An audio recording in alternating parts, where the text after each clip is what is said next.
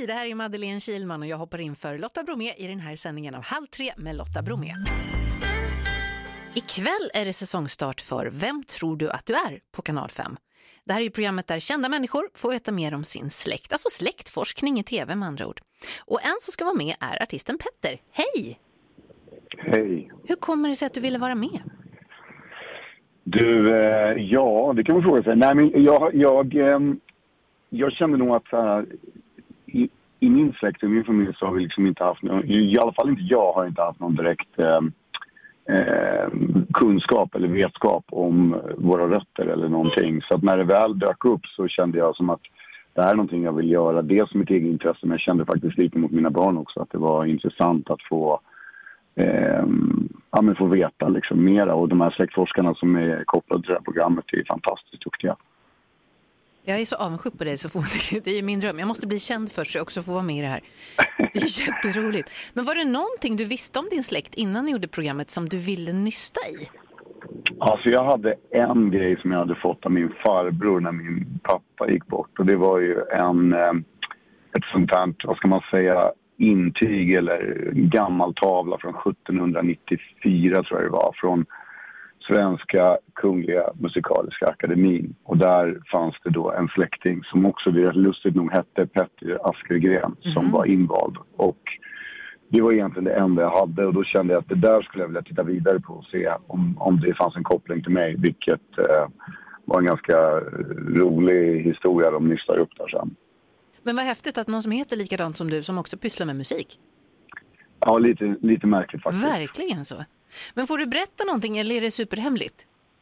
Nej, det, det ja, ja, eller, nej, det tror jag inte. Jag kan nog säga en massa saker, men jag tänker för de som ska se det här så är det ju det är ganska spännande, för det var ju väldigt spännande för mig. Jag visste ingenting. Det, det första, om man kan säga så här, eh, vid ett tillfälle så knackar det på min dörr och då är det två skottar som står utanför och eh, ska lära mig dra på mig en kilt.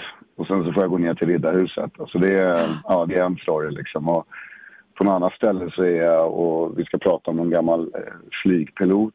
Um, så att, och jag var nere i Malmö och rotade runt. Så att vi, vi, var verkligen överallt. Så det var en väldigt rolig resa och jag sparade ju alla de Vi var nere på Långholmen på fängelset. Um, så jag har ju sparat alla liksom, dokument och sånt som jag fått. För, för mig är det jättevärdefullt, alla de här gamla bilderna.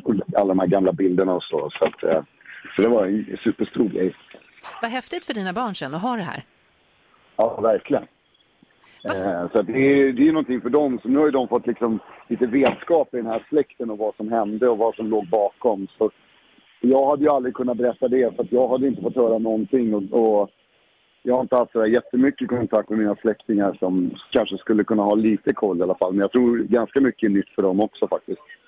Vad är det i en som gör att man blir så glad av att veta såna här saker? För jag är ju precis likadan. Ja, men I mitt fall, jag kan ju bara svara för mig själv, men jag tror att jag, tror att jag alltid har känt mig lite, lite rotlös.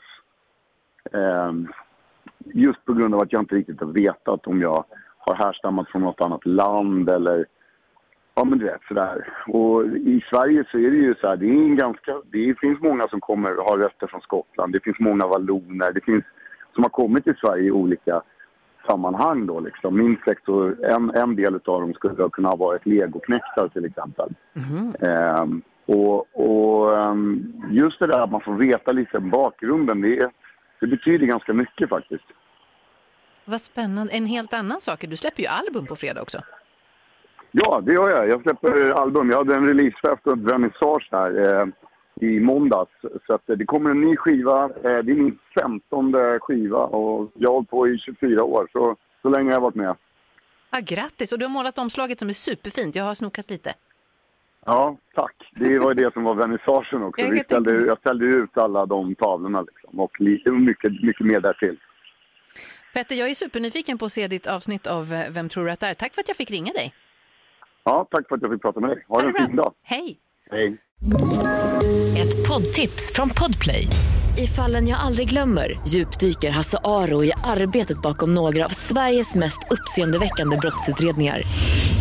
Går vi in med hemlig telefonavlyssning och, och då upplever vi att vi får en total förändring av hans beteende. Vad är det som händer nu? Vem är det som läcker? Och så säger han att jag är kriminell, jag har varit kriminell i hela mitt liv men att mörda ett barn, där går min gräns. Nya säsongen av Fallen jag aldrig glömmer på Podplay.